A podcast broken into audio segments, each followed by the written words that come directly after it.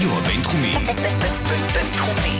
106.2 FM. 106.2 FM. השעה הבינתחומית. פודקאסט שמחדד את המוח.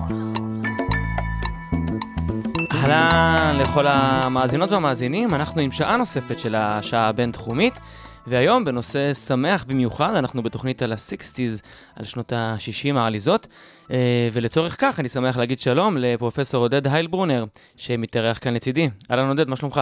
שלום, תודה רבה שהזמנתם אותי. תודה רבה שבאת. אה, אז באמת ככה נושא מאוד אה, צבעוני ומעניין. בואו לשם הסדר הטוב נתחיל ככה מאיזושהי הבנה היסטורית. שנות ה-60, אירופה, ארה"ב, איפה, איפה העולם עומד מבחינה פוליטית, חברתית? מה, מה הלך הרוח באותם ימים?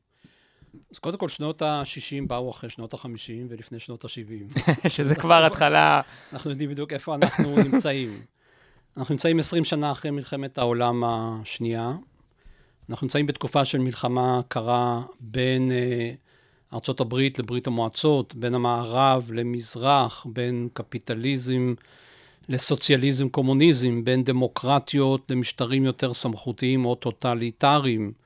אז אנחנו נמצאים בעולם דו-קוטבי מהרבה בחינות, זה כבר התחיל לפני שנות ה-60 וזה נמשך גם אחרי שנות ה-60. רצוי לעשות הבדלה, אתה השתמשת במילה 60's, 60's זה באמת ביטוי יפה שמדבר על אווירה והצגת את זה יפה, צבעוני, שמח. שנות ה-60 אפשר לבוא ולראות אותם שהם התחילו ב-1 לינואר 1960 ומסתיימים ב-31 דצמבר 1970, זאת אומרת עשר שנים. יש כאלה שמדברים על שנות ה-60 מבחינת 60's, האווירה שאתה דיברת עליה, שנוסף לצבעוניות, היו גם דברים אחרים, שמתחילים כבר באמצע, סוף שנות ה-50, ובעצם מסתיימים בתחילת שנות ה-70, זה נקרא שנות ה-60 הארוכות, או ה-60's הארוכות, זה long 60's. המרכזים באמת זה ארצות הברית ואנגליה, או בריטניה. בכל אופן, מבחינת הנושא של מוזיקה ותרבות. מבחינת חברה, חברה, פוליטיקה, ללא ספק גרמניה המערבית וצרפת, איטליה ממלאות תפקיד גם מאוד מאוד מרכזי, בטח נגיע לזה, שנדבר על מהומות סטודנטים ותרבויות uh, צעירים. אז זה פחות או יותר המפה, נקודה מאוד חשובה, ישראל, דרום-מזרח אסיה, הודו, העולם הערבי, אפריקה, היו קיימים, או מדינות שהיו, אזורים שהיו קיימים בשנות ה-60, אבל כשמדברים על 60's, המשמעות שלהם היא יחסית אה, נמוכה לאווירת ה-60's, או לתרבות ה-60's, או לתרבות הצעירים, שעל זה בטח נדבר. חוץ מסין, שעוברת את מהפכת התרבות, אה, בהנהגת מאו צטונג מ-1966-67, ואני לא יודע אם נגיע לזה. אירופה וצפון אמריקה הם במרכז. אירופה וצפון אמריקה, הצעירים של אירופה וצפון אמריקה, אה, נכון? אני צודק? אה, ללא ספק, רוח וריח נעורים נשבה, או נשבו לכל אורך אותם עשר יותר או שנים פחות. להיות צעיר זה שם המשחק. אז, אז בואו באמת רגע ננסה למקד את הסקירה ההיסטורית באמת לצעירים של אותה תקופה. לתוך מה הם גדלו, מה הם הכירו, על מה הם, נאמר, קוראים תיגר וכולי. אז קודם כל צריך להגדיר מה זה צעיר, או מה זה נוער.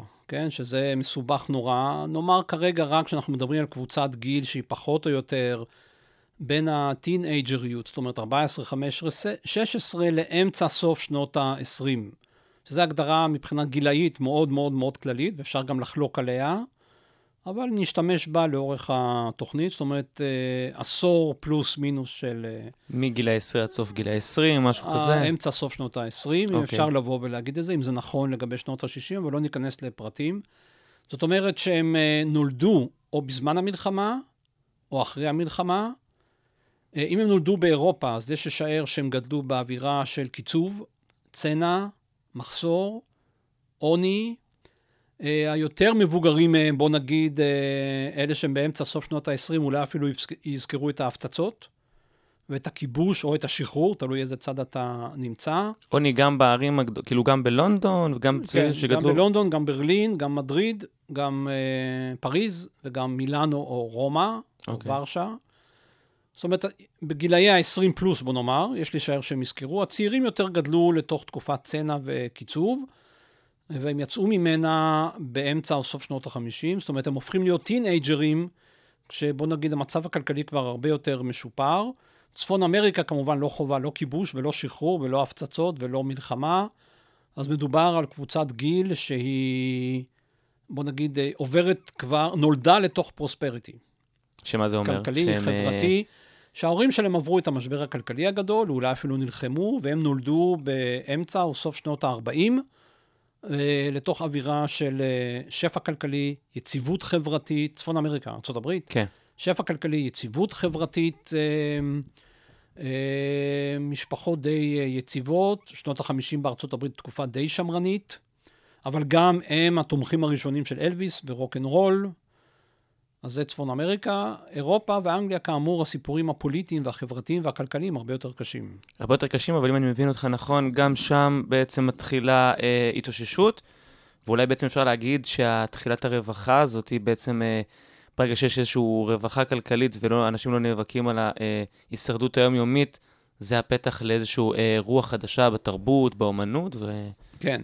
Uh, בכל רחבי, אני לא רוצה להגיד כרגע העולם, למרות שאני חושב שזה נכון, בכל רחבי אירופה וצפון אמריקה, אחרי המלחמה יש uh, עידן של שמרנות. Uh, הגרמנים אהבו להשתמש, המערב גרמני, תמיד צריך להזכיר שאני אומר פה בתוכנית, אם אני לא מפרט, מערב גרמניה, כי גרמניה זו הייתה מחולקת. מערב גרמניה, יותר דמוקרטית וליברלית, ראש ממשלת גרמניה בא ואמר ביטוי מאוד יפה, אין יותר, ניס... יותר לא עושים ניסיונות, kind of experimenting, זאת אומרת, היה תקופת ויימאר, היה נאצים, עברנו את מה שעברנו, היה איום ונורא, די, מספיק. יציבות ושמרנות. בצורה כזו או אחרת זה נכון גם לגבי צרפת וגם לגבי אנגליה, גם לגבי ארצות הברית, אייזנהאואר הנשיא, רוב שנות ה-50, תקופה די יציבה, לא רוצים לעבור יותר מדי שינויים ומהפכות חברתיות וכלכליות. או פוליטיות אחרי כל מה שכולם עברו, אז הם נולדים לתוך תקופה מאוד יציבה ויחסית שמרנית, בטח לגבי 20, 30, 40 שנה קודם לכן, שזה מלחמת העולם הראשונה, התקופה שבין שני המלחמות, מלחמת העולם השנייה, דברים קשים ותהפוכות מאוד קשות. אז הצעירים אה, גודלים ל, או בני הנוער והצעירים גודלים בתוך אווירה יחסית יציבה ושמרנית, שהיא כמובן מוליכה, מכל מיני סיבות שבטח נעמוד עליהן, לאיזשהו סוג של רצון לשינוי אצל בני נוער וצעירים. כי רק במשהו לשם השמרנות הזאת באה לידי ביטוי בכל ההיבט, בהיבטים רבים נאמר בהקשר הזה?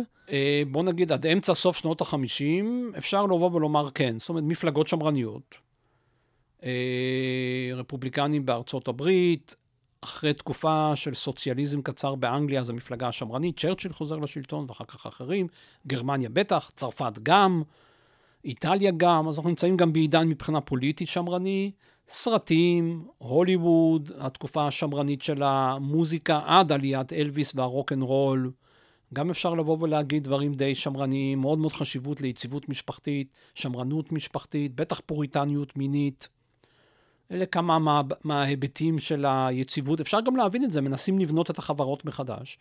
בעיקר באנגליה, בבריטניה ובאירופה. משתדלים בעיקר לא להרוס. ואז אה, כמה שפחות לעשות ניסיונות ולא להגביר את ההרס שכבר אה, קיים, אז אה, שבונים, די, די יש רצון באמת, אלא אם כן אתה נמצא במשטר טוטליטרי קיצוני, יש רצון באמת שתהיה יציבות ושמרנות חברתית וכלכלית. ובקרב הדור הצעיר זה מתקבל קצת פחות הדור הצעיר, בהבנה. זה, הדור הצעיר כבר מתחיל אה, להשתנות. הסיבה העיקרית, קודם כל, זה שיש לדור הצעיר יותר כסף. זאת אומרת, העידן של יציבות כלכלית מביאה לכך שצעירים גומרים בית ספר בגיל 16, וברובם אה, הולכים לעבוד. אה, יש כמה שכבר מתחילים ללכת להשכלה גבוהה, קולג'ים, או אה, לעשות בגרויות, או ללכת לאוניברסיטאות, אבל הרוב עובדים. בניגוד לתקופות קודמות בהיסטוריה, אה, בשנות ה-50, וזה נכון גם לגבי ארה"ב וגם לגבי אירופה, אתה עובד, אתה גר עדיין אצל ההורים, אבל חלק מהכסף אתה משאיר אצלך, כי להורים גם להם יש כבר מספיק, או יחסית מספיק. אז אם פעם גרת אצל ההורים, ואת המשכורת שעבדת נתת להורים, חלק מהכסף הולך אליך. אבל לא רק זה. שזה משהו חדש, אתה זה יחסית משהו חדש, כן? אני מדבר עכשיו כמובן באופן מאוד כללי. כן, כן. בצרפת זה יהיה יותר, באנגליה פחות, וכן הלאה וכן הלאה, אבל... זאת אומרת, יש לה, יש, בוא נגיד, לצעיר או לבן הנוער, יש כרגע הכנסה. ההכנסה הזאת היא נופלת על תקופה שבה יש יותר ויותר אפשרויות לצעירים לצרוך תרבות, לצרוך תרבות זה אומר גם לצאת למועדון או לפאב, גם לקנות גיטרה, גם לקנות טרנזיסטור, המצאות חדשות, גם ללכת אה, לסרט, גם לשלם על הבחורה, להזמין אותה, אה, גם לקנות בגד, או כמה בגדים. זאת אומרת, נוצרים אפשרויות אה, צרכניות ותרבותיות חדשות עבור גיל, אה, קבוצת גיל שכרגע יש לה, יש לה הכנסה, הכנסה פנויה. וכשאתה אומר אה, נוצרים הזדמנויות חדשות, זה בעצם צעירים יוצרים אותם, או שזה מישהו זה נמצא... מבין את הפוטנציאל וככה זה נכנס תקופת ל... מעבר, שאני קורא לה מתרבות עבור צעירים לתרבות של צעירים. תקופת מעבר, שנות ה-50, זאת אומרת, עדיין הם ממציאי הטרנזיסטור או הגלולה, הם עדיין מה שנקרא parents culture, הדור של ההורים, או היותר מבוגרים. אבל ברגע שאלוויס מופיע, וגיטרה חשמלית אה, יותר זולה, אז אפשר לבוא ולומר שיש כבר צעירים שיוצרים עבור עצמם תרבות. נגיד הרוק, תרבות הרוק. אמנם האמרגן של אלוויס, קולונל, פר, קולונל פארקר, היה מבוגר, אבל כל האנשים סביבו, האנשים שכתבו לו את המוזיקה, ואנשים שבוא נגיד אה, אה, רקדו, שרו למוזיקה שלו, האזינו לו ברדיו, דירגו את המצעדים, שמו אותו במקום ראשון, לא רק אלוויס, אבל לא הדוגמה הטובה ביותר, הם כולם היו בגיל של אלוויס, פחות או יותר, זאת אומרת 20 פלוס מינוס, והם מתחילים לאט לאט אה, להשתלט, בוא, נאמר, בוא נאמר על תחנות הרדיו. הדי-ג'אים, הדי-ג'יי הראשון, השדרן רדיו הראשונים, כן, הם כולם היו בגיל ה-20 פלוס מינוס. רגע, אבל אמרת... אז יכול להיות שבעל התחנה הוא מבוגר, אבל מי שמוביל את הטעם הוא צעיר. אבל פה, פה אני, אני חושב שאתה כאילו קצת ממעיט בערך מי, מי שמנהל את התחנה או האמרגן, אבל אולי בעצם אפשר להגיד שבעצם האמרגן או של אלוויס או מי שמנהל את התחנה, הוא בעצם קצת אה, משחק בחוטים, כמו שאתה לוקח היום איזה כוכב רשת צעיר, הופך אותו לזמר, ואתה אמרגן, אתה בעצם, זה לא ש... אפשר לראות את זה גם אחרת אולי, שבעצם מישהו שיחק בצעירים. ו... תראה, זה לא ספק, אה, אם זה... תראה, בוא נגיד, האמרגן נגיד של הביטלס, כן? הוא לא היה... קולונל פארקר היה 20 שנה או 25 שנה יותר מבוגר ממנו. האמרגן של הביטלס היה 10 שנים יותר, מורגן, אה, יותר, אה, יותר מבוגר. אבל יש פה נקודה שמאוד חשובה שלא הזכרנו, בניגוד לעבר, שאולי באמת הם משכו בחוטים, כמו שאתה קורא לזה, אנחנו מדברים על דור שהוא baby boomer. מה זה baby boomer?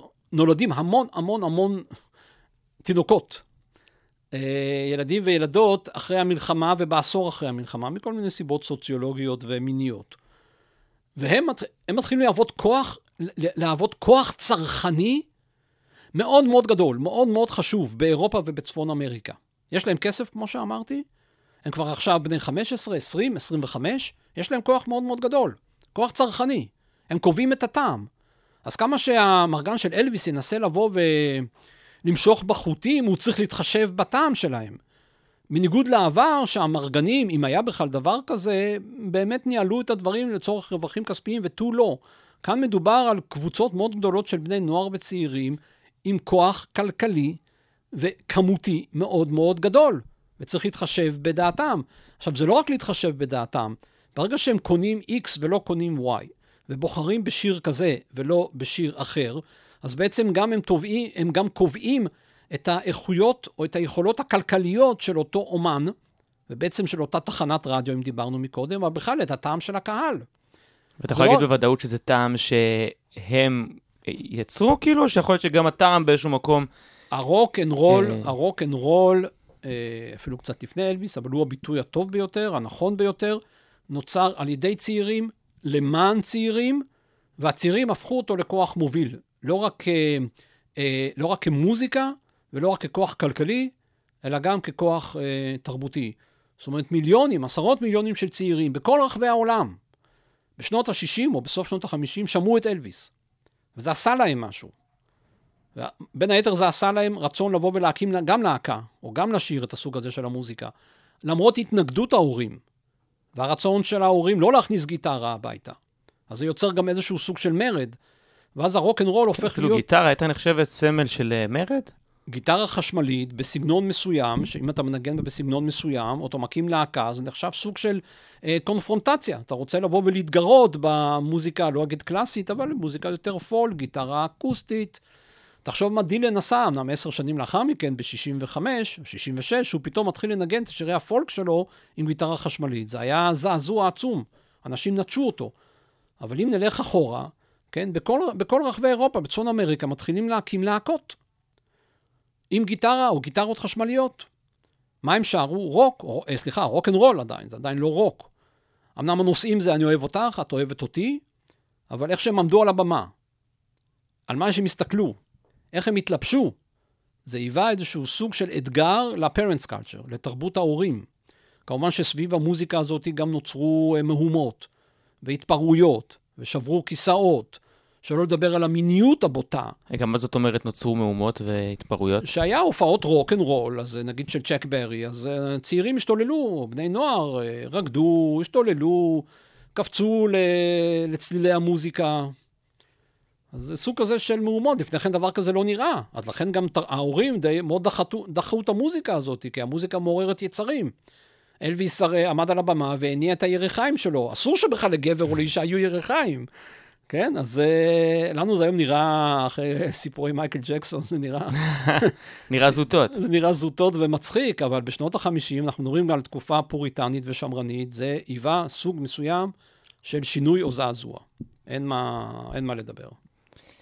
אוקיי, אז בא- באווירת הרוקנרול וההתפרעויות אנחנו נפתח ברולינג סטון, Street Fight Man, אפשר? Fighting Man, סליחה. Street Fighting Man.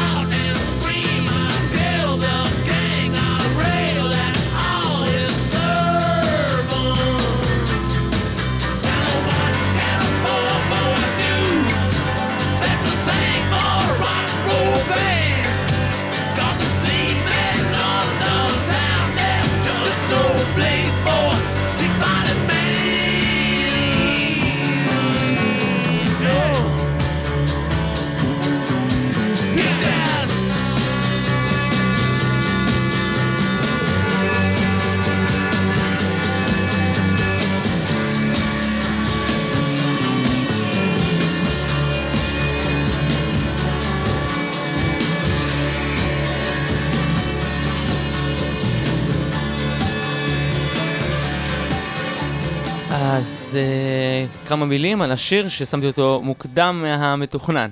כן, אבל הוא תמיד ר- רלוונטי, אגב, גם להיום. השיר של האבנים המתגלגלות, Street Fighting Man, לוחם הרחובות, הוא קודם כל מושר על ידי להקה שדי הייתה בוט...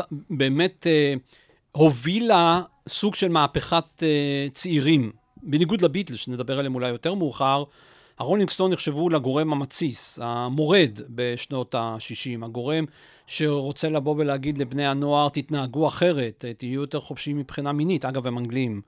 אה, תצאו לרחובות, אה, תפגינו, תעשו סמים. הם כולם ילידי, אני חושב כולם ילידי לונדון, באמת התקופה שאנחנו דיברנו, זאת אומרת... מה, הם היו יותר קראו לפעולה בעצם? יותר כאילו? קראו לפעולה, בוא נגיד ברטוריקה, כן. נעזוב במעשה. במעשה הם חשבו בעיקר לעשות כסף, ככה זה מוזיקת רוק.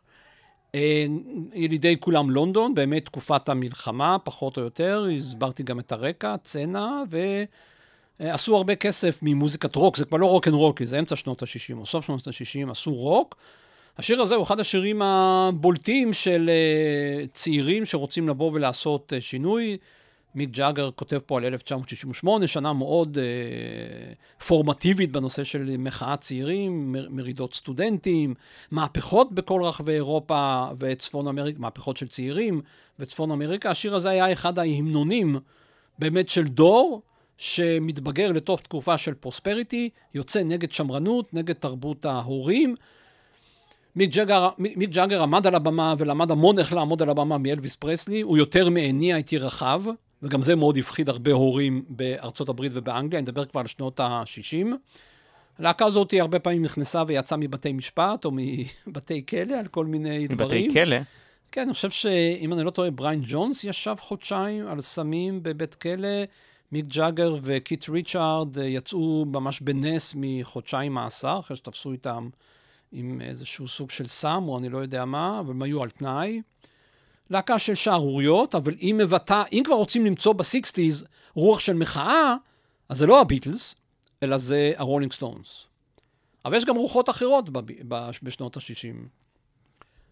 אנחנו חושבים רגע, שנות ה-60, sixties, אמרת צבעוני, מרד, אני דיברתי, אבל בעצם הסרט הפופולרי ביותר, והאלבום הפופולרי ביותר בשנות ה-60, זאת אומרת שנמכר הכי הרבה, זה לא האלבומים של הביטלס, לא שיש במה להתבייש במה שהם עשו, זה האלבום Sound of Music. והסרט Sound of Music, צלילי המוזיקה, עם ג'ולי אנדרוס, שזה סרט שהוא היה פופולרי ביותר, נמכר המון, המוזיקה שלו, ובעצם מאוד מאוד מקדש וקורא לערכי משפחה ושמרנות. וזה 1965-66, כבר לב ה-60's. אבל רוב האנשים, זאת אומרת, עדיין במיינסטרים, אז מה ש... לפי מה שאתה אומר בעצם, אולי ה... מה שאנחנו מכירים משנות ה-60 זה היה שוליים, אבל עדיין המיינסטרים היה שמרן. ללא ו- ספק, ללא ספק. ה- ה- נעזוב רגע אפילו את המיינסטרים, בוא נאמר הרוב, עם כל הכבוד לרטוריקה וסמים ו Street Fighting Man ועוד דברים שנדבר זה ונשמע. היה בשוליים, עד כדי כך, אתה אומר. אני לא אגיד שזה שוליים, מכיוון שהיה להם המון המון המון כוח, וקול מאוד מאוד חזק. אם מיק ג'אגר יוצא ונכנס מבתי משפט, ושם נו- נושא איזשהו מניפסט על כמה צריך להשתחרר, יש לזה הרבה יותר כוח מאיזשהו מישהו שגר באיזשהו כפר או עיירה וממשיך לשמוע את פרנק סינטרה, כן?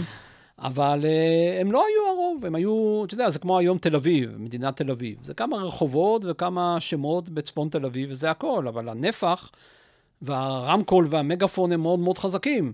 אז לרולינג סטון היה כוח, אבל רוב האנשים המשיכו בחיים הנורמליים שלהם כפי שהיו בשנות ה-50. ואוי ואבוי אם ישמעו שהבת שלהם חזרה הביתה אחרי עשר בלילה. זה היה הרוב. יש גישה, שזה אולי תוכנית אחרת, שאומרת שה sixties האמיתיים היו בשנות ה-70. אבל זה משהו אחר. אה, אתה הזכרת מקודם בהופעות את המיניות המוחצנת. נכון, כן. איזה, עוד אה, דברים ככה בתקופה הזאת, אה, חוץ מהמוזיקה, באו לידי ביטוי במהפכות האלה?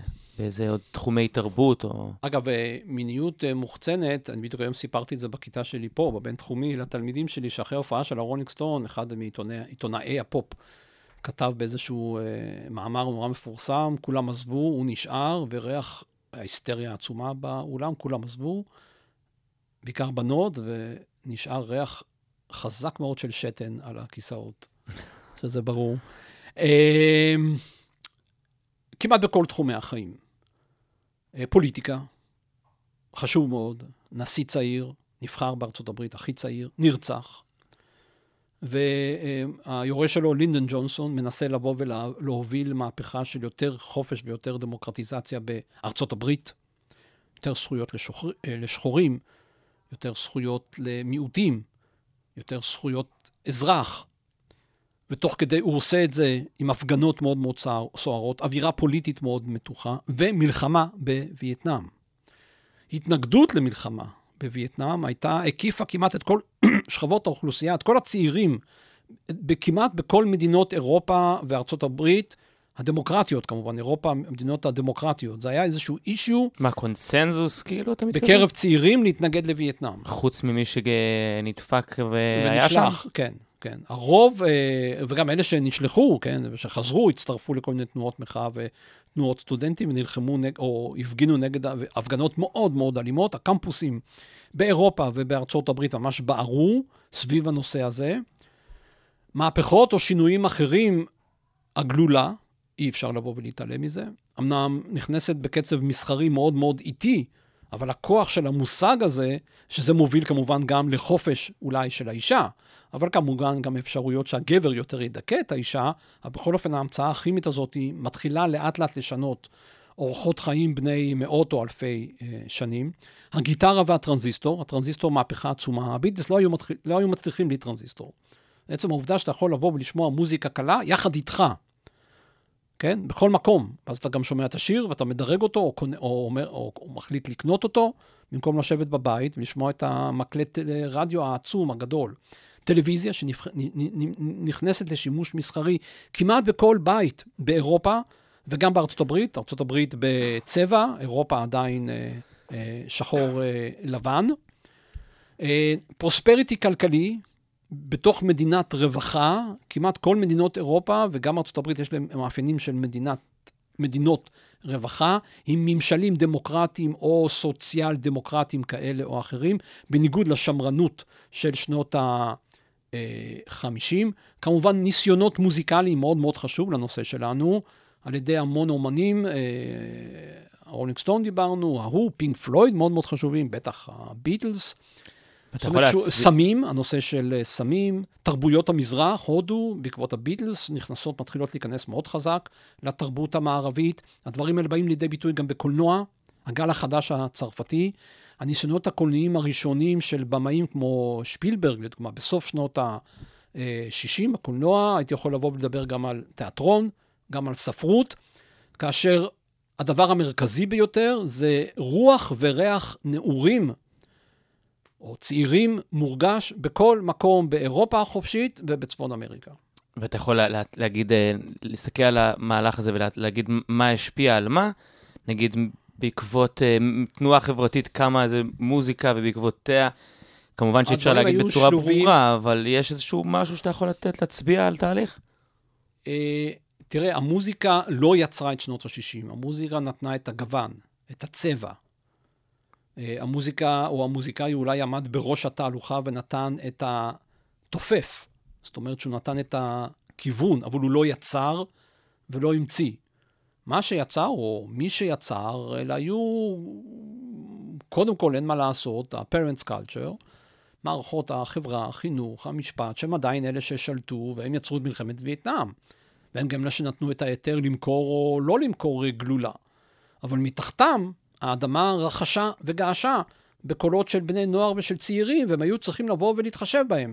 וככל שהשנים עברו והגיעו לסוף שנות ה-60 ותחילת שנות ה-70, אותם בני נוער וצעירים שהם כבר עכשיו בקולג' או באוניברסיטה או סיימו, הם מתחילים להכניס את הרוח החברתית החדשה הזאת למקומות העבודה שלהם, או מקומות ההשכלה. אז, אז אי אפשר לבוא ולהמעיט עדיין בכוחות הסדר הישן, בוא נקרא לזה, או ה-parents culture, כן? זאת אומרת, ההורים הביולוגיים, מערכות המשפט, הצבא, החינוך, הבריאות, אה, הבירוקרטיה.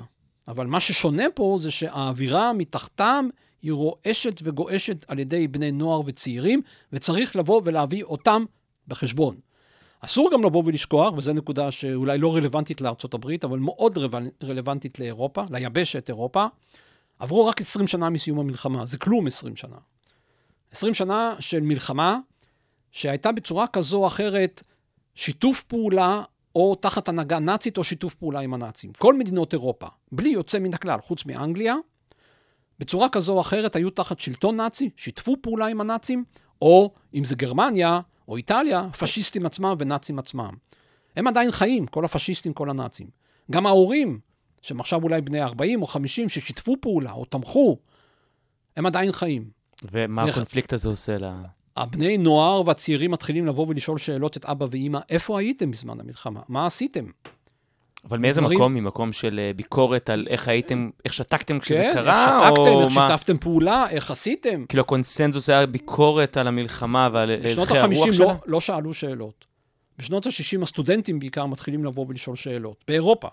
אנגליה כמובן לא הייתה תחת כיבוש, אז לא היה מה לשאול. בשביל גם אין רדיקליות פוליטית באנגליה. אבל בצרפת, בגרמניה המערבית, באיטליה, כמובן מאחורי מסך הברזל, אין כמעט דברים כאלה בגלל השליטה הקומוניסטית. אבל באיטליה, צרפת, גרמניה המערבית, ארצות השפלה, סקנדינביה, דנמרק, מתחילים לבוא ולשאול שאלות את ההורים. מה עשיתם? איפה הייתם? למה לא התנגדתם? איך התנגדתם?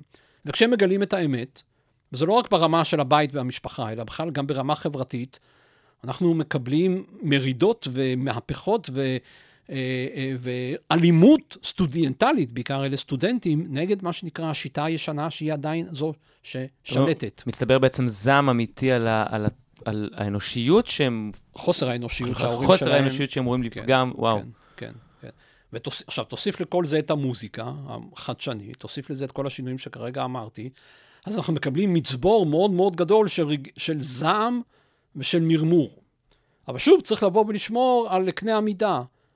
רוב האנשים שמעו את צלילי המוזיקה, ולא את Street Fighting Man של הרולינג סטון. אבל המשכילים, הסטודנטים היותר מתקדמים, שהם עדיין היו במיעוט, ללא ספק הלכו אחרי הרולינג סטון, הפינק פלויד, לא אחרי הביטלס, כי הביטלס היו שמרנים, אולי נדבר על זה, אבל אחרי כל הדברים היותר מתקדמים מבחינה, אה, מבחינה מוזיקלית. בואו, השיר הבא, באווירה שמרנית יותר, של צלילי המוזיקה, כפי שאמרת.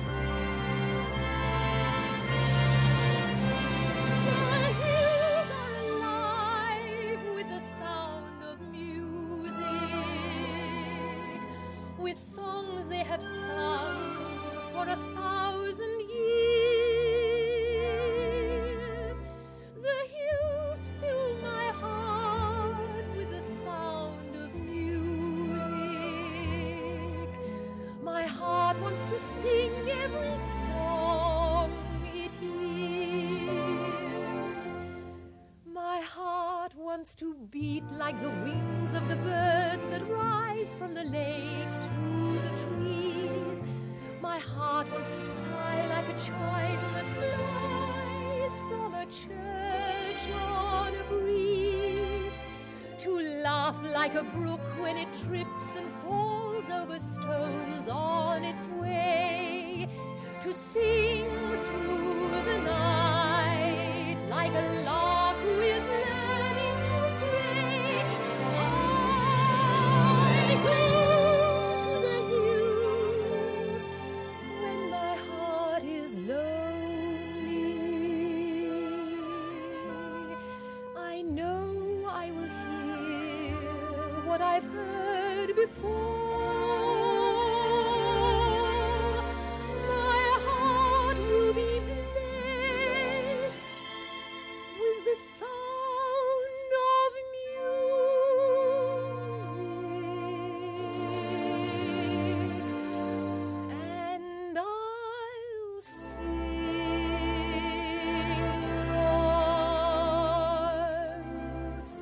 אז ככה נשמעת שמרנות, אה?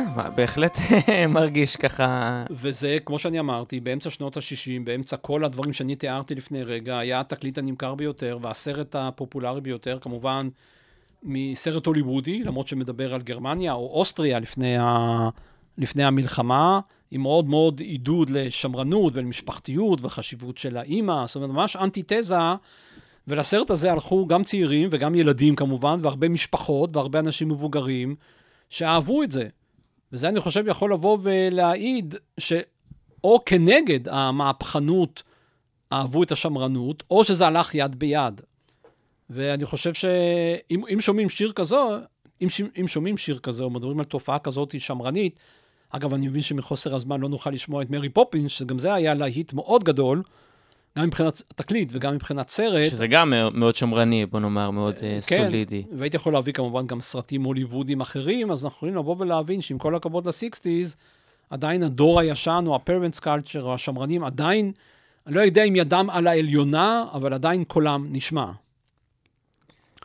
ואולי נשים את הדוג... הדוגמה ההפוכה ביותר לשיר מאוד מאוד חשוב שהיה בדיוק באותה שנה, 1965.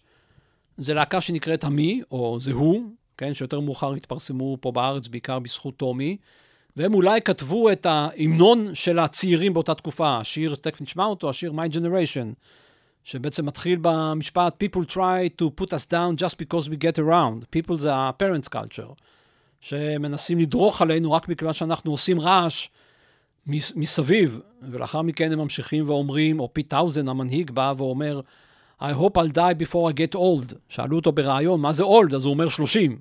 היום, אגב, הוא בן 70, ו- היום הוא בן 76, או 74. מעניין אם הוא עומד מאחורי מה שהוא. אמר אז. תראה, אמרו אז הרבה דברים, כן? מה באמת התכוונו, זה כבר משהו אחר. עשו הרבה כסף מהשיר הזה, follow the money, אבל זה שיר שמאוד מאוד חשוב לבוא ולהבין, הוא היה להיט מאוד גדול, אולי לא כמו Sound of Music, אבל להיט מאוד מאוד גדול. מאוד uh, צעירים מאוד uh, שרו אותו, אבל כדאי לבוא ולשמוע אותו ולהבין את, ה, את המרד שיוצאים מתוך הש, המילים של השיר הזה, וגם את האופי של השיר הזה. תשמעו את הנגינה ואת הקול של רוג'ר דלטרי, אז תבינו מה זה מרד נעורים. אוקיי. כבר נשמע פחות... אה, People try to put us to down. Talking about my generation. Just because we get around. Talking about my generation. Things they do look awful. Talking about my generation. I hope I die before I get old. Talking about my generation. My generation, baby. Why don't you all fade away? Don't try to dig what we all s- s- say. Trying to cause a big sensation. I'm just talking about. My generation.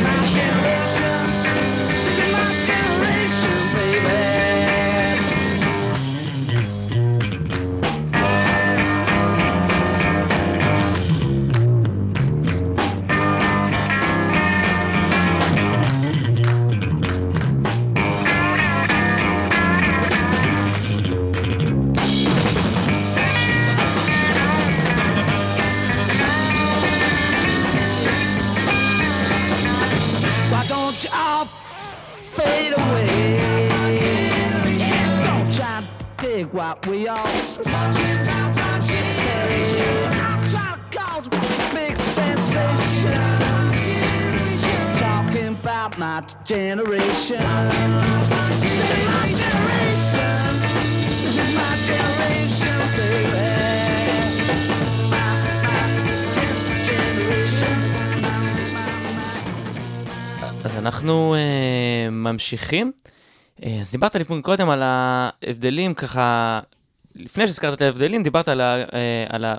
בין בריטניה לארה"ב, הזכרת את זה בתחילת התוכנית, ואז הזכרת את הזעם של הצעירים כלפי דור ההורים באירופה, זעם שעל פניו לא היה קיים בארצות הברית. אה, אז איזה הבדלים באמת משמעותיים היה בין הדור הזה הברית ובבריטניה, ובמה זה בא לידי ביטוי? באיזה... אז בוא, בוא נגיד, יש שלושה מרכזים לתרבות צעירים, שלושה מרכזים לתרבות צעירים באותה תקופה. ארה"ב, זה בעיקר סטודנטים. זאת אומרת, אנשים שצעירים, אה, בני נוער, אה, בגיל 16 או 18 הולכים לקולג' ואז לאוניברסיטה. ככה הם גם מתחמקים ממלחמת וייטנאם. סטודנט לא הלך למלחמה. והם באים אה, משפחות יחסית שמרניות, עם כסף. עדיין היה שכר לימוד מאוד גבוה באוניברסיטאות בארצות הברית, גם היום אגב. ושם הם נתקלים בשינויים, או בתרבות חדשה, היפים, סמים, זכויות שחורים, זכויות אדם, התנגדות לווייטנאם, והם עוברים איזשהו תהליך של רדיקליזציה. לא כולם, אבל אלה שכן, יש להם את הכי הרבה קול וכוח לצעוק. תום היידן, בעל של, אה, אה, פונדה, לא, אה, השחקנית ג'יין פונדה לדוגמה, כן? בא מבית די שמרני, ועובר תהליך של פוליטיזציה רדיקלית בזמן שהוא נמצא באוניברסיטה, אני חושב בקליפורניה, הופך להיות מנהיג סטודנטים, הוא לא היחיד. באווירה מאוד מאוד מאוד תוססת בארצות הברית. שם הסיפור הוא מאוד מאוד פוליטי, מאוד פוליטי. וייטנאם, שחורים, זכויות אדם, זכויות אזרח, כשאתה אומר שחורים, לשחורים היה גם חלק בתהליך הזה, או שקראו לזכויות שלהם, מרטין, אבל... מרטין לותר קינג, כן, מנהיג השחורים, נרצח ב-1968, אחרי שהוא מוביל במשך כמה שנים גם את המצעד על וושינגטון, למען זכויות האדם, וכמובן גם השחורים. אבל, אבל, השחורים באמת יוצאים ומפגינים, וגם יורים בהם, אבל בתוך התרבות ה, ה, של, הס- של הש- שנות ה-60. ממש. כן. כן. הם היו שם גם בתור קהל בהופעות. ובתור... לא, לא, בתור, אה, אם אתה מדבר על מוזיקה, יש אמנם את הסגנון או את המוזיקה של דטרויט, ג'יימס בראון, מתחילים, אני חושב שחמישיית ג'קסון, שממנה יצא מייקל ג'קסון, אני חושב שסוף שנות ה-60, הסופרים, זאת אומרת, יש, יש, יש זרם מאוד מאוד חשוב, אבל הוא לא, בוא נקרא לו, הוא לא זרם 60's, הוא זרם סול, מוזיקת נשמה מאוד חדשה, מאוד נמרצת, אבל זה לא ה-60's שאנחנו מדברים עליו. אבל כל הסיפור של השחורים זה אישיו מאוד מאוד מאוד חזק בארצות הברית, שהוא כמובן אה, נכנס יחד לתוך אישויים או נושאים אחרים. זאת אומרת, אם אתה, בוא נגיד באופן כללי, אם אני אעשה איזשהו סכמה, אם אתה נגד וייטנאם, יש סיכוי שגם אתה תומך בשחרור השחורים. אבל מה שמעניין אותי אם היה שם צביעות, או שבאמת הש- אה, נפתחו, לא, לא. נפתחו בפני השחורים בדלתות ל...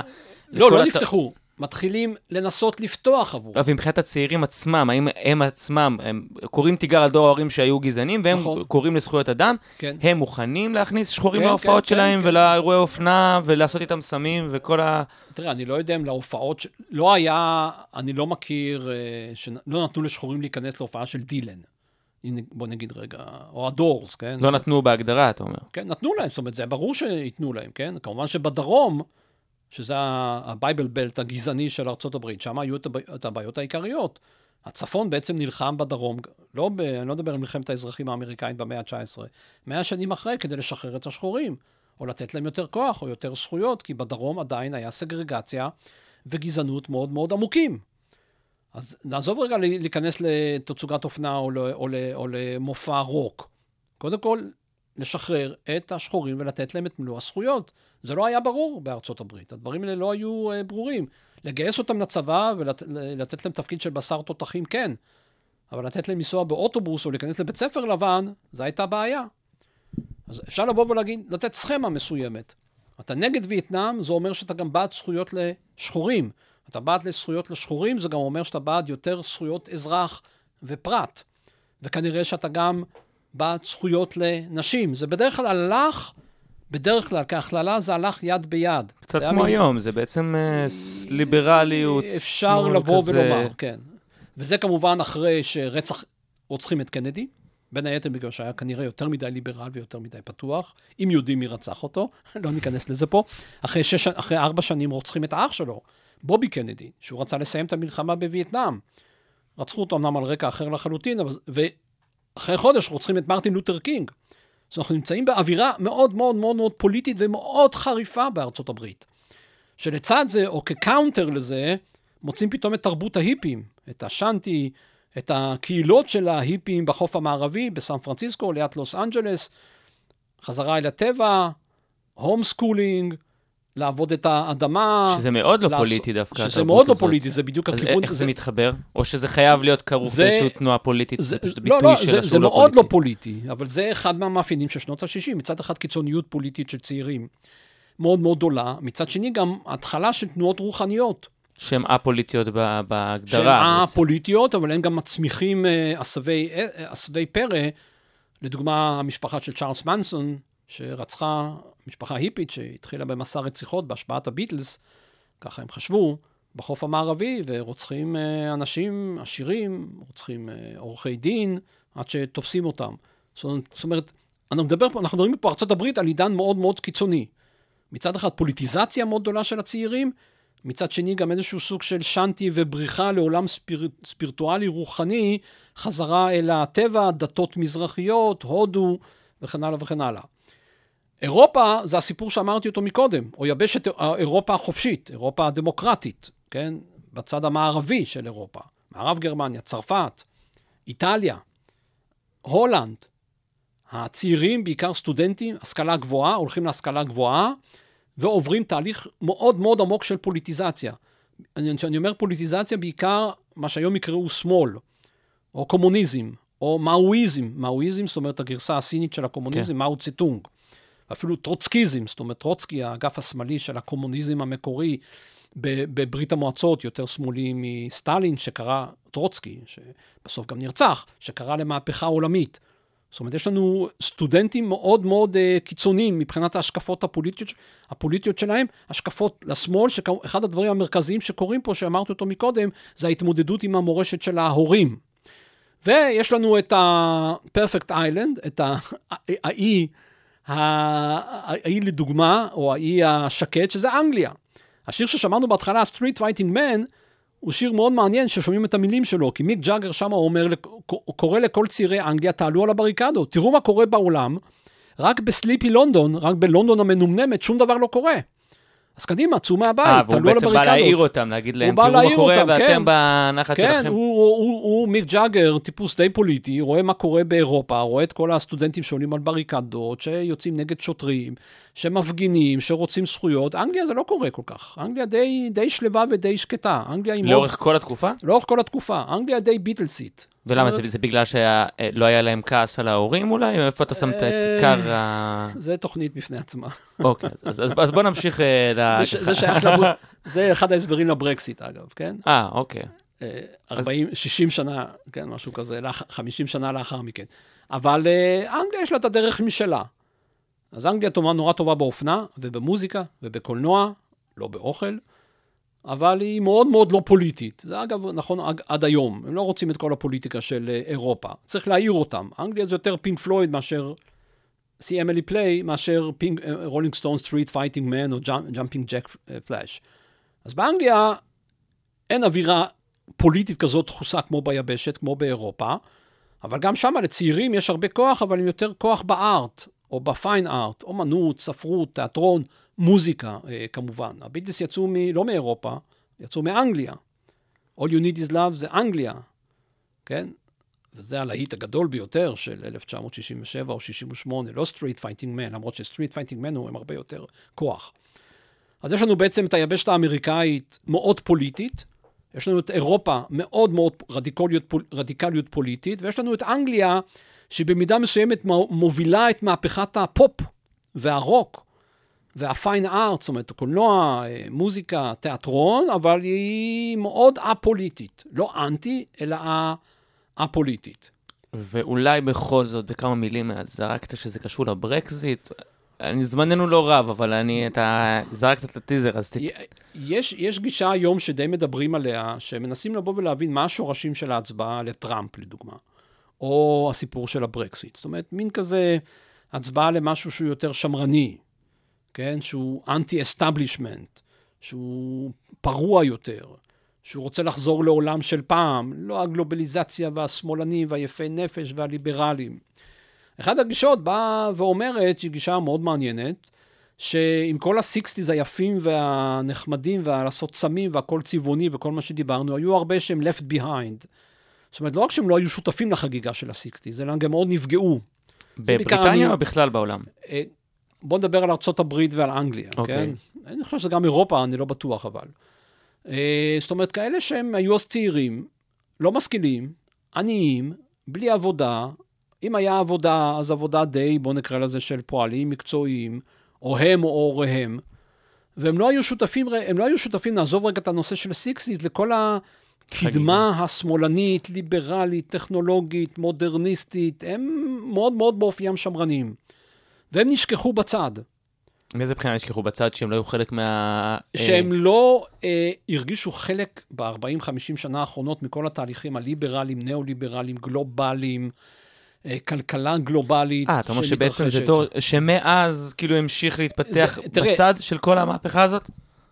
בוא נאמר, או שהם גדלו לתוך משפחות כאלה שנשכחו מאחורה, או שהם היו אז ילדים, או נערים, או, או, או נערות. זאת אומרת, הם יותר שמרנים בטעם, יותר בערך, מאמינים בערכים המשפחתיים, השמרניים, ופחות בכל המרוץ למען קדמה וליברליזציה שבעצם מאפיינת את הברית ואת אנגליה בעשרות שנים האחרונות. שקלינטון, אגב, מאוד ייצגה את זה, או טוני בלר מאוד ייצג את זה בארצ... באנגליה, וגם תאצ'ר במובן, אה, זאת אומרת, איזה שהם שינויים כלכליים וחברתיים מאוד מאוד עמוקים. והם רוצים לחזור למה שהיה פעם.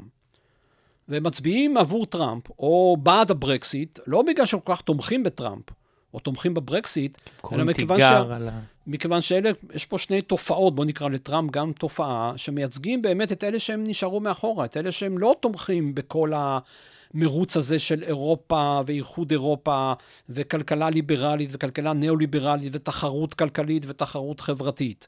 אז הם החליטו להצביע עבור איזשהו סוג של מנהיג, אה, סליחה, מנהיג, אני לא יודע אם טראמפ מנהיג, אבל תופעה... צייצן בטוויטר, אפשר להגיד. כן, או תופעות שהן יותר, אה, או ברקסיט שהן יותר, רגע, רגע, יש לנו את החיים שלנו, אנחנו רוצים לבוא ולשמור על האופי שלנו, אנחנו לא מוכנים ללכת אחרי כל התהליכים האלה שהתחילו בשנות ה-60 של קדמה וחופש לאישה לדוגמה, חופש לנשים.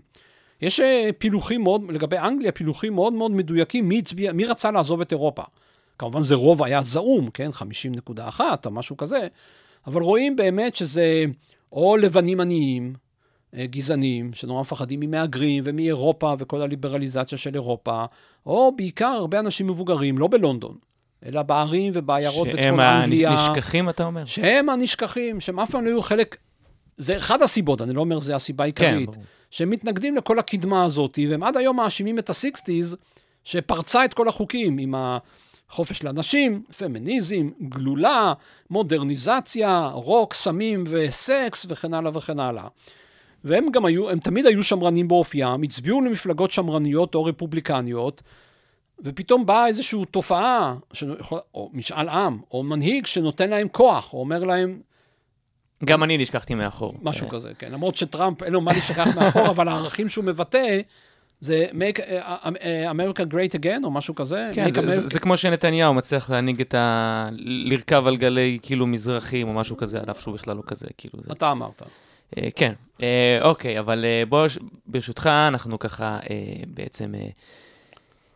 אתה אומר שהם כאילו קוראים תיגר על השנים הללו. אבל- קוראים תיגר על הרוח על הרוח של השנים הללו. שהשנים הללו יצרו, וביניהם היא קיימת עד היום, של קדמה, טכנולוגיה, אה, זכויות לפרט, נשים, פירוק המשפחה, זה ה-60's, או זה מה שה-60's סביבו עשה רוח.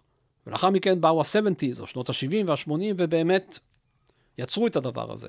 אני לא אומר שזו הסיבה העיקרית שהם הצביעו, אבל זו קבוצה של אנשים, או קבוצה דורית, שאני קורא להם, או שהסוציולוגים קוראים להם left behind. כן, ו- ועדיין, אתה, אתה, מקודם הזכרנו שבעצם כל הדיבור הזה על שנות ה-60 הוא על זרם מסוים, ועדיין ה- ה- אחוז מאוד גדול היה שמרן והכל הזה. אם אני מסתכל היום על 2017, עדיין על אף תופעות, כמו שאתה מתאר פה, של הברקזיט וטראמפ וכולי, עדיין מרגיש ששנות ה-60 קורות היום ביתר שאת. כאילו, לצורך העניין, לקחת הדוגמאות של סמים ומין, זה הרבה הרבה יותר נפוץ, ו- וכאילו, הגבולות הרבה יותר נפרצו, ואנחנו חיים בעידן הרבה יותר... אה, אז אני לא יודע אם. אנחנו חיים ב-60's, אבל זה בהשפעה גדולה של ה-60's. זאת אומרת, ה-60's היה טריגר למשהו שהתחיל להיות בשנות ה-70. אני חושב שדויד באוי זה דוגמה מאוד מאוד טובה, הוא השחית הרבה חלקות טובות מה זאת אומרת? עם התופעות הג'נדריות או הפוסט-ג'נדריות והתרבות הסמים שהוא מאוד מאוד uh, עודד. רק בתור דוגמה, ואפשר להביא גם דוגמאות אחרות, פאנק ועוד uh, כל מיני דברים אחרים. אגב, כולם יצאו מאנגליה. Uh, אבל ה-60's עשו את הירייה הראשונה. מיעוט, אבל ה-60's עשו את הירייה הראשונה שהיא נשמעת עד uh, היום. ואתה מוצא, נעזוב רגע ברקסיט או טראמפ, אתה מוצא חלקים מאוד מאוד גדולים בחברה, וגם באליטות, שבאות ואומרות, ה-60's הלכו יותר מדי קדימה, יותר מדי בריצה, יותר מדי באלימות, אם מדברים על אירופה או על צפון אמריקה. היה צריך להאט את הקצב, היה צריך פחות סמים, לא היה צריך את הסוג הזה של המוזיקה. יש היום גישות אנטי-60's, נעזוב רגע את כל הנושא של ברקסיט וכל מה שאמרתי מקודם, גם, בק, גם בקרב האוכלוסייה שאולי אפילו הצביעה אה, אה, להישאר באירופה. אבל ה-60's יש עד, יש לו היום, הוא קונטרוברסלי, הוא פולמוסי. מצד אחד הוא, הביא, הוא יצר קדמה והעביר אווירה חדשה למערב, אבל מצד שני הוא גם יותר מדי היה קיצוני. אז אולי באמת ככה בכמה מילים לסיום, באיזה דברים הוא בא, בא לידי ביטוי הקיצוניות שלו שפגעו בערכים שהמערב עדיין תופס מהם כערכים חשובים?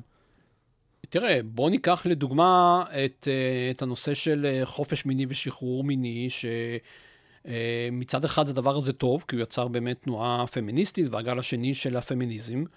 מצד שני, היה גם ב-60's, היה המון המון מצ'ואיזם. אגב, כל השמות שאנחנו הזכרנו פה היו כולם של גברים, אולי חוץ מג'ולי אנדרוס, השחקנית במרי פופינס. אבל מצד שני, ה-60's גם היה מאוד מצ'ואיסטי, ומאוד מאוד אה, גברי, ומאוד בעד, אה, אה, לא הייתי אומר אלימות גברית, אבל המעמד של, ה, של הגבר, שכנגד זה יצאו הפמיניסטיות. בכל התעשיות של המוזיקה, האופנה, הקולנוע, שאנחנו מדברים, הגברים מאוד מאוד מאוד שלטו. מה זה, הפמיניזם בהסוואה? בעצם ש- שחררו את האישה בשביל להשתמש בה לצורך לא? לא, לא, או ש, משהו לא? שחררו את האישה, אני חושב שהאישה לא משוחררת עד היום, אבל האישה, כן, אה, זה התחיל קצת לפני שנות ה-50, אבל בטח, אה, לפני שנות ה-60, אבל בטח בשנות ה-60, הגלים הפמיניסטיות, הפמיניסטים הראשונים יצאו מאנשים, אנשים, כן? למרות שהסיקסטיז, יש אווירה מאוד מאוד של מתירנות ושל חופש, אנשים לא הרגישו, נשים לא הרגישו כך. ולכן דווקא בשנות ה-60 הם בוחרים להתחיל בשנות ה-60 לצאת באיזשהו סוג של מאבקים פמיניסטיים, או מאבק פמיניסטי שנמשך כמובן לשנות ה-70 ולשנות ה-80. אה, הרבה אומרים שהמתירנות המינית של שנות ה-60, אם היא הייתה, ונעזוב, נדבר כרגע על רטוריקה, צריך לבדוק את הדברים האלה סטטיסטית, אבל בטח היא הייתה בשנות ה-70, יצרה את האיידס. ואז הבהלה, הבהלה מהאיידס יצרו, יצרו עוד פעם גלים שמרניים בארצות הברית, באנגליה, באירופה.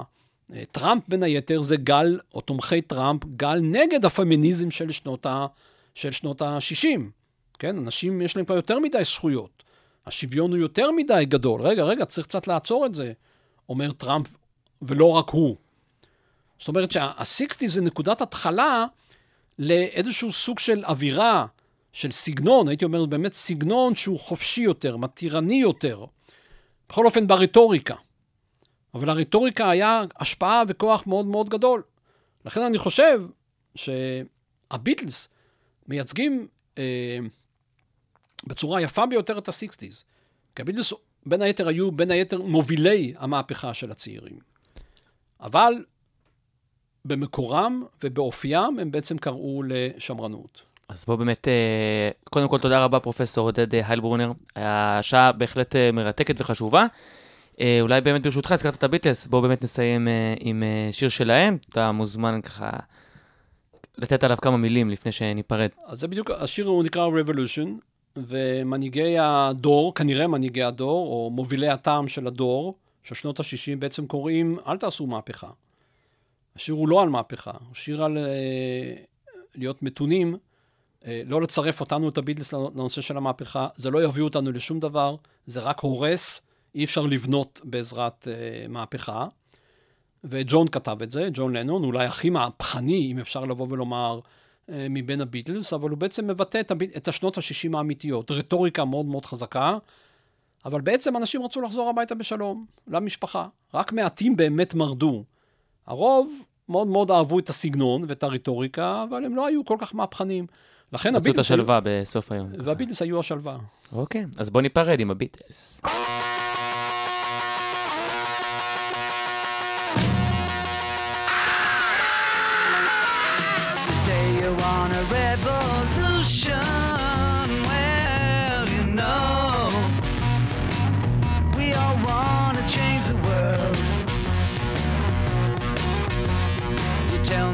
That it's evolution. Well, you know, we all want to change the world. But when you talk about destruction, don't you know that you can count me out? Don't you know it's gonna be alright? Alright. Alright.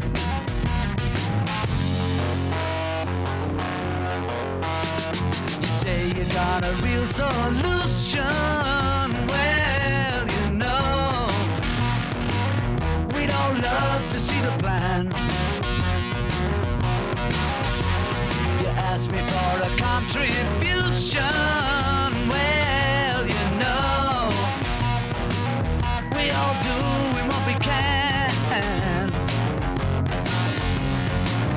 But if you want money for people with minds that hate, all I can tell you is, brother, you have to wait. You know. Alright.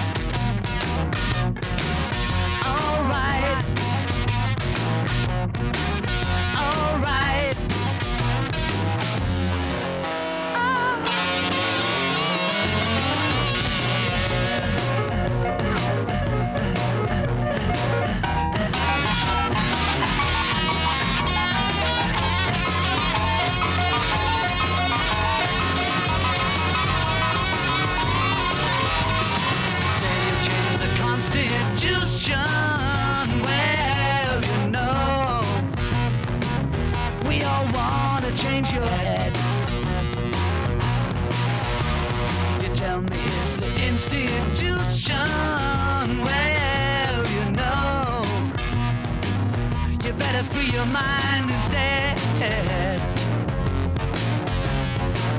But if you go carrying pictures of Chairman Mao, you ain't gonna make it with anyone anyhow.